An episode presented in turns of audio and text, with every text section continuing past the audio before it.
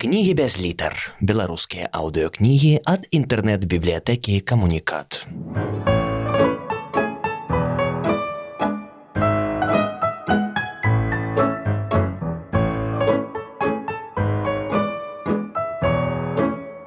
Олесь Пашкевич. Рух. Раздел другі.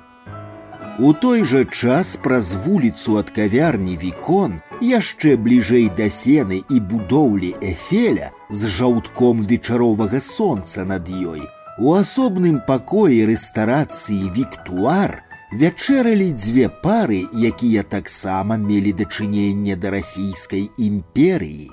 Прамое малады палкоўнік Віктор Александрович Берг з прыгажуняй жонкай Елізаветай і дачыненне ўскоснае нямецкая сям'я люцыусаў Генрых і Клара.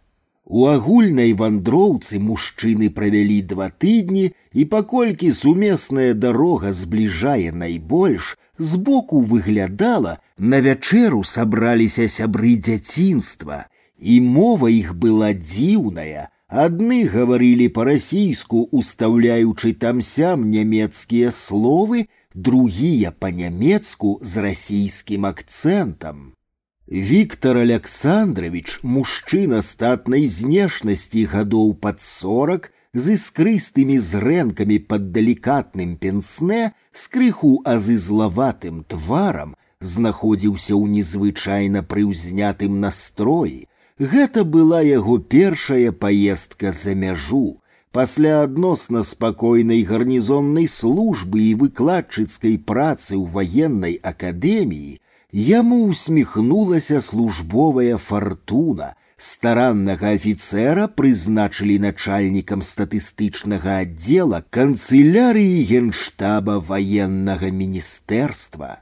Заробак канторскага справавода не надта радаваў, але адначасова Віктору Александровичу дазволена было застацца і на ранейшай пасадзе ад'юнкт прафесара ў ваеннай акадэміі па сумяшчэнні. Неўзабаве ён быў узведзены ў палкоўніцкі чын, упершыню сямейны даход перарос расход, і па свабодных вечарах, хоць і рэдкіх з прычыны занятасці на службе, Віктору Александровичу часцей заўсміхалася яго маладая жонка, і яны пачалі ўжо нават думаць пра нашчадкаў, а каб вырвацца са сталічных клопатаў ды крыху падправіць здароўе, вырашылі ажыццявіць даўнюю мару, з'ездзіць за мяжу, ну а куды ехаць з рассіі, калі не ў Парыж? Адпрошвацца ў адпачынак доўга не давялося, не спатрэбілася нават прадугледжанага ў такіх выпадках рапарта. Начальнік канцылярыі генерал-лейтенант Миколай Львович Лобіч быў упартым халасцяком з арыгінальным быццёвым распарадкам. Ён прачынаўся каля дзясятай раніцы, піў гарбату і гадзіны з дзве працаваў, Затым адчыняў дзверы кабінета, каб выслухаць ад падначаленых даклады. У тры-чатыры дня ехаў сельскагаспадарчы клуб абедаць, чаму менавіта туды, неяк прызнаўся, што толькі там цяпер русію пахнет.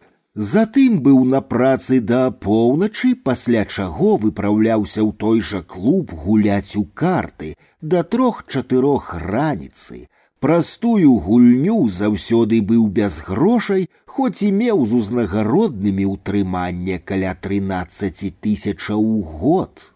Падобныя аказіі пераканалі яго ў тым, што вайскоўцам колькі не дай грошай, усё роўна будзе мала, а таму няма чаго рабаваць казну, не снедаў сам і меркаваў, што не варта тым забяспечваць на службе і ніжэйшых чыноў, ну і да ўсяго не ўхваляў шлюбы, паколькі быў перакананы ў шкоднасці іх у службе, а маладым жанацікам на пачатку нават спачуваў, Аднойчы пасля даклада палкоўніка Берга у тоне строгай вымовы начальнік канцылярыі генерал-майор Лобіч заявіў, што той можа не з'яўляцца перад яго светлымі вачыма да сярэдзіны восені, пакуль у ваеннай акадэміі не пачнуцца заняткі.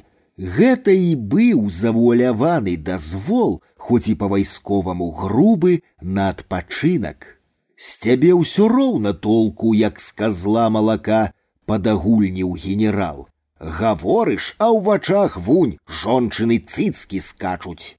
Так і выбраліся бергі ў Парыж. Па дарозе, праўда, запланавалі паваляцца ў лячэбных гразях, найперш Елізавета, каб вырашыць жаночыя сакрэты, ды папіць гаючых водаў, падлячыць мужа ў страўнік збіраліся старанна, паскуплялі па Петербурзе ўсе дарожныя даведнікі і без стомы распытвалі знаёмых, каму пашчасціла пабываць за кардонам. Выпраўлялі ў вандроўку бергаў, здавалася, ўсе канцылярскія службоўцы генштаба. Па варшаўскай чыгунцы ў звычайным вагоне другога класа за двое сутак з перасадкамі амаль без сну дабраліся праз вільню горадню беласток варшаву вроцлаў да свайго першага прыпынку ў горным селескім зальцбруне з задавальненнем ездзілі на конным экіпажы па прыгожых горных мясцінах да старадаўняга замка вечарам пілі каву ў санаторнай рэстарацыі ну а перад сном аддаваліся водна-гразевым працэдурам. Пашанцавала і з доктарам, патомным аўстрыякам, які па расповедах аб'ездзіў паўсвету, вывучаючы ўплыў клімату на розныя чалавечыя хваробы, а цяпер што восень практыкаваў у зальцбруне. На адным з водных сеансаў Віктор Александрович Берг і пазнаёміўся са шчырым і сяброўскім арыстакратам Генрыхам фон Люцыусам. Ён лячыў ці то гастрыт, ці то язву. Прабачце, вы не з Прусіі, падаецца, у вас не зусім нямецкае вымаўленне. Звярнуўся да Берга на другім ці трэцім сеансе фон Люцыус – Яны сядзелі на тэрасе ўдвох і любаваліся ціхім адвячоркам, пацягваючы з гліняных піялаў мінеральную ваду. Палкоўнік расправіў каўнер махровага халата і, павярнуўшыся да суразмоўцы, старанна адрапартаваў. Дазвольце назвацца падданы яго вялікасці расійскага імператара Віктор Берг, а з кім маю гонар лікавацца. Генрых, Генрых фон Люциус. Знаёмец хітнуў галавой, усміхнуўся і ўзняў піялу. Накіроўваюся ў Парыж, каб праведаць жонку, у якой заканчваецца тэатральны гастрольны тур і нагадаць ёй пра шлюбны абавязак, ну а затым забраць яе ў Петербург. У Петербург? Ажно прыўзняўся берг. Вы поедете ў Петербург? Так, служу там дарадцам нямецкага посольства. Голас Люцыуса напоўніўся стомнымі бясстрастнымі нотамі. Пад адчолам яго эксцэленцыі пасла графа Пурталіса, можа, чулі пра такога. Безумоўна, яго рэзідэнцыя на большой марской у асабняку непадалёка да сторыі. Цяпер ужо ў неўразуменні ўзляцелі густыя бровы люцыуса. Вы нават ведаеце, дзе гэта? Ну так, мы живем у Петербурзе, я на службе там па ваеннай лініі. Генрых фон Люцыус яшчэ доўга выказваў сваё здзіўленне нечаканай сустрэчай, пасля чаго прапанаваў сваю кампанію ў падарожжы да Парыжа, балазе ў яго таксама заканчваўся санаторны тэрмін. Першы прыпынак зробім натуральна ў вене, затым праз Зальцбург у люцэрн, рэкамендуючы гункай дабрацца да цудоўнейшай гары пілатус, перакананы, што чалавеку з такім прозвішчам берг гара гэта будзе цікава, паплаваем на тамтэйшым возеры, а адтуль у горна-альпійскі андермат. Я покажу вам знакаміты чортаў мост, які пасля перавала Сен-Гатард з баямі пераадольваў ваш сувораў. Затым паўз каскады бурлівай роны конна дабяремся да чыгункі і наперад да казачнага мантро на жэнеўскім возеры і праз Монтарлье у Парыж. Згодны, толькі не кажыце, што не зможаце.